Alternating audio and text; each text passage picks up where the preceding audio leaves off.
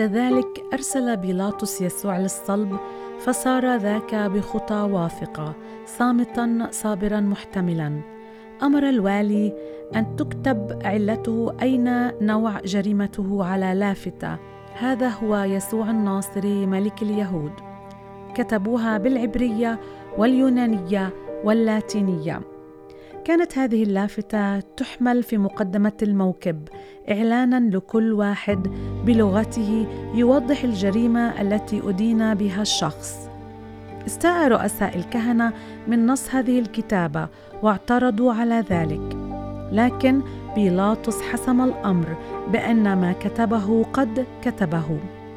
حملوه الصليب كانوا سيصلبونه عليه وهم يحثونه على المسير وصار معانيا آلام الجلد حاملا صليبا ثقيلا حتى وصل إلى حالة من الإعياء الشديد. وعندما لم يعد يحتمل بعد حمل قطعة الخشب الثقيلة. أمسكوا رجلا كان آتيا من الحقل اسمه سمعان القيرواني. فحملوه الصليب حتى موضع الصلب. ربما كان القيرواني فلاحا أو زائرا أراد أن يشهد العيد فكان نصيبه أن يشارك المسيح حمل صليبه ويا لها من بركة أن يكون في الوقت المناسب وفي المكان المناسب. تبع يسوع في طريقه نحو الصليب جمهور كثير من الشعب. كانت النساء يبكين وينحن عليه لكنه بحنانه المعهود التفت إليهن قائلا يا بنات أورشليم لا تبكين علي بل ابكين على أنفسكن وعلى أولادكن. كان دائما يقدر العطف ويقابله بالأكثر لكن ليس دون أن يوجه الشخص إلى الحاجة الحقيقية. لذلك حثهم على الاهتمام بما سيكون في حياتهن وحياة أحبائهن. هنا أظهر المسيح تقديرا للعواطف الرقيقة لكن لم يرد أن يبكين اشفاقا عليه بل على خطاياهن فوجه أنظارهن إلى الدينونة المقبلة ودعاهن إلى التوبة والرجوع إلى الله. وصار ملك الملوك مكللا بإكليل مطفور من شوك وكأنه كلماته لبلاطس الوالي تتوهج من جديد. مملكتي ليست من هذا العالم. لو كانت مملكتي من هذا العالم لكان خدامي يجاهدون لكي لا أسلم إلى اليهود. ولكن الآن ليست مملكتي من هنا. كان يتكلم عن ملكوت حق روحي أبدي جاء به وما أقل من آمن به. كان الموكب يسير نحو الجلجثة وهو مكان عام يعني الجمجمة. كان الرومان معتادين أن يصلبوا فيه المجرمين. موضع الجلجثة هذا كان خارج المدينة ويمر به آلاف يوميا. أما في هذا الوقت وهو عيد الفصح فأعداد الناس هائلة وبالذات الزوار المعيدين. وصل الموكب الصاخب إلى المكان الموعود وسمر يسوع على الخشبة. ثم رفع ليصلب وصلب معه لصان واحد عن اليمين وواحد عن اليسار وهو في الوسط. ثم أن العسكر لما كانوا قد صلبوا يسوع أخذوا ثيابه وجعلوها أربعة أقسام لكل عسكري قسما وأخذوا القميص أيضا وكان القميص بغير خياطة منسوجا كله من فوق فقال بعضهم لبعض لا نشقه بل نقترع عليه لمن يكون. من نقرأ من إنجيل يوحنا إصحاح 19 والآية 23 و 24 اتفق الجنود على اقتسام الثياب بالقرعة وهي طريقة مقبولة عند الجميع. لكن ما لم يعرفوه إنهم بخطوتهم تلك تمموا نبوة المزمور الذي كتب قبل ذلك بألف سنة. يقسمون ثيابي بينهم وعلى لباسي يقترعون. مزمور 22 والآية 18 لقد تم نبوة الكتاب عن المسيح الله الذي عروه واقتسموا ثيابه. لكنه ذهب إلى الصليب ليلبس كل من آمن به ثياب الخلاص ويكسوه رداء البر إلى الأبد. اجتمع كثيرون ليشهدوا عن كثب ذاك المشهد الغريب وجاءوا لينظروا مصلوبا واحدا ليس ككل المصلوبين. هناك عند الصليب اجتمع العالم بنوعياته وأفكاره المختلفة فقد كان هناك مشاهدون فقط كان الشعب واقفين ينظرون إذ كان مئات الآلاف من الوافدين إلى المدينة متواجدين في كل مكان تقريبا. وها هي الفرصة متاحة لكثيرين ليتفرجوا على ذاك الجليلي وهو يقاسي آلام الصليب. حقا قالت عنهم النبوة وهم ينظرون ويتفرسون فيا مزمور 22 والآية 17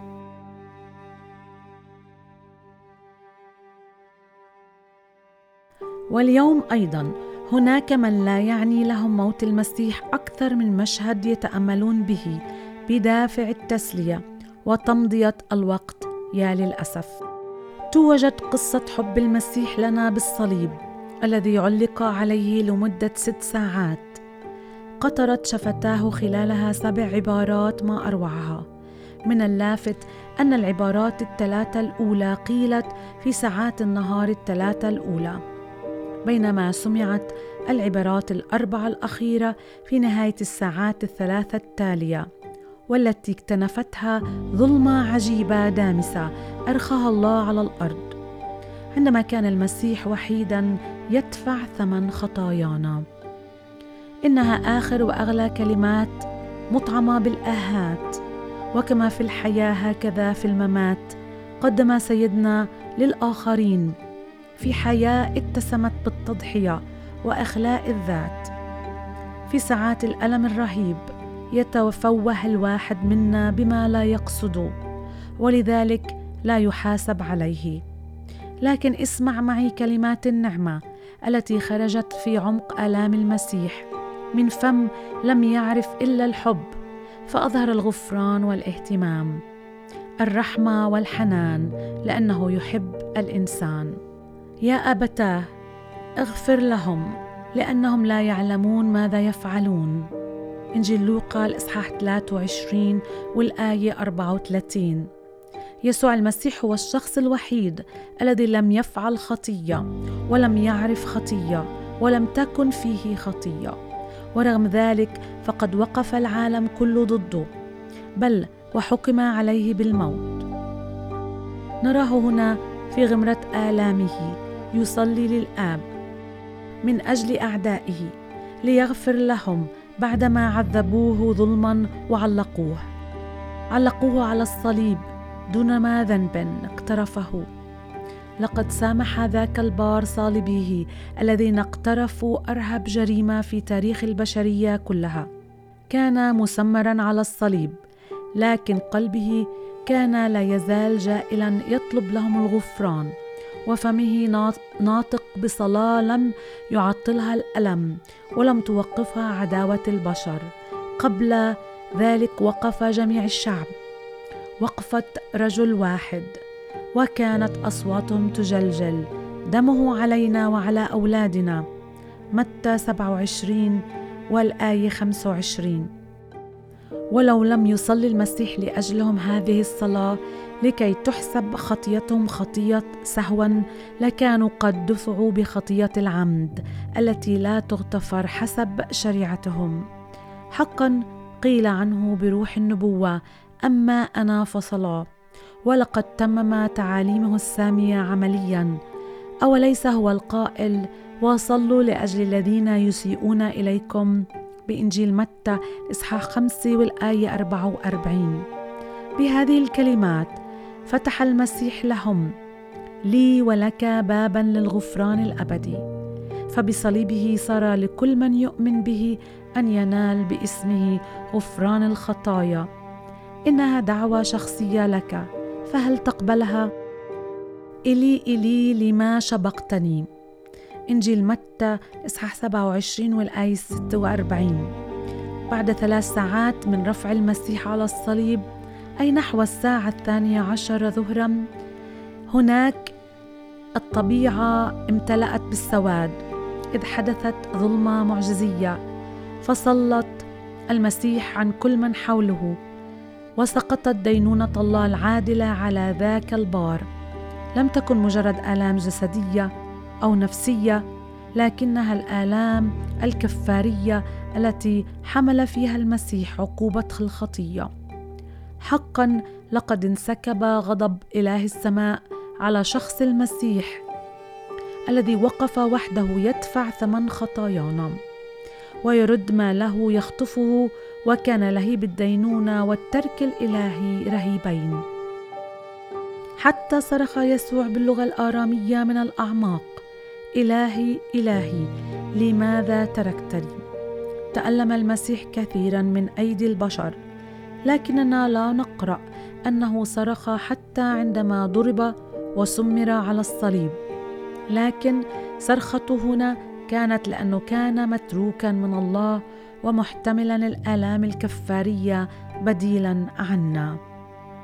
إنها بلا شك أقصى ثلاث ساعات في تاريخ البشرية ترك فيها المسيح كابن الإنسان من الله العادل لأنه كان حاملا خطايانا. لقد انصبت جامات غضب الله ضد الخطية على المسيح لأنه البديل الوحيد البار القادر أن يدفع أجرة خطايانا لكونه بلا خطية. ونادى يسوع بصوت عظيم وقال يا ابتا في يديك أستودع روحي. إنجيل لوقا الإصحاح 23 والآية 46 استهل المسيح عباراته السبع وأنهاها بلفظة يا أبتاه فكانت هي صلاة البداية والختام. أول ما حدث عندما أسلم يسوع الروح أن حجاب الهيكل انشق من فوق إلى أسفل. كان هذا ستارا فاصلا بين القدس وقدس الأقداس في الهيكل اليهودي. يظهر استحالة اقتراب الإنسان إلى الله. وقد كان رئيس الكهنة هو الوحيد الذي يدخل مرة في السنة إلى قدس الأقداس. عندما انشق الحجاب الحقيقي وهو جسد المسيح بالموت انشق كذلك الحجاب الرمزي في الهيكل. انه إعلان إلهي أن المسيح بموته أعطى لكل من يؤمن به ثقة الدخول إلى أقداس محضرا الله حرية في أي وقت. لكل إنسان. رافقت تلك اللحظات المثيرة زلزلة شقشقت الصخور وفتحت كثيرا من القبور. وفيما بعد قام أموات كثيرين من القبور ودخلوا أورشليم وظهروا لكثيرين. اقترب دخول السبت وأراد الجنود أن يكسروا سيقان المصلوبين وبذلك يعجلوا بموتهم. إذ لم يكن إبقاء الأجساد معلقة في يوم السبت مقبولا ابتدأوا بتكسير السيقان. لكن عندما وصلوا إلى يسوع وجدوه قد مات فلم يكسروا رجليه. فجاء واحد من العسكر وطعن جنبه بحربة وللوقت خرج دم وماء. هكذا ودون قصد تمم الجنود نبوءتين معا عظم لا يكسر منه. سينظرون إلى الذي طعنوه. مات سيدنا على الصليب فكان لابد من إنزال الجسد ودفنه. سارع أحباؤه لطلب إذن من السلطات لدفع الجسد الكريم. واجتمع يوسف الرامي الغني ونيقوديموس الشيخ ليقدموا له الإكرام الأخير. في ناسوته كان أول من اعتنى به من الرجال. يوسف النجار الفقير وكان آخرهم يوسف الرامي الغني. في طفولته احتضنه سمعان الشيخ وفي إنزاله عن الصليب احتضنه نيقوديموس الشيخ. أخذ الأحباء جسد معلمهم الغالي وسكبا عليه الطيب ولفاه بكفن كعادة اليهود. كان هناك بستان قريب من مكان الصلب. وكان في البستان قبر جديد منحوت في الصخر فوضعوه فيه. كان يوم الجمعة ذاك على وشك أن يودع الشمس قبل أن تغيب فأسرعوا لإتمام عملية الدفن ودحرج يوسف حجرا كبيرا على باب القبر. كان يسوع هو الحجر الذي رفضه البناؤون. كان الحجر الذي أغلق قبره صار أيضا من الشهرة بمكان. كان من الطبيعي أن يدفن جسد يسوع مع بقية المجرمين لكن طلب يوسف الرامي المستجاب اللي فيه حولت المسار ليدفن في قبر رجل غني وهكذا حول الله مجرى الأحداث لتتم النبوة أخرى. وجعل مع الأشرار قبره ومع غني عند موته. سفر إشعياء 53 والآية 9 خيم اليأس على كل من أحبوا يسوع وحل القنوط مكان الرجاء الذي كان عندهم. في ذات الوقت كان أعداؤه يحيكون مؤامرة أخرى وأخيرة فمعجزات المسيح التي أرقتهم في حياته بل وتلك التي صاحبت موته قادتهم إلى محاولة إنهاء الفصل الأخير. بطي تلك الصفحة إلى الأبد. يا لقساوه الإنسان الذي لا ينكسر ولا يعتبر بل ويعود بالشر ويفتخر. انطلق هؤلاء وهم يناشدون الوالي. يا سيد قد تذكرنا أن ذلك المضل. قال وهو حي إني بعد ثلاثة أيام أقوم. فمر بضبط القبر إلى اليوم الثالث لئلا يأتي تلاميذه لئلا يسرقوه. ويقول للشعب أنه قام من الأموات. فتكون الضلالة الأخيرة أشر من الأولى. فقال لهم بيلاطس عندكم حراس اذهبوا واضبطوه كما تعلمون.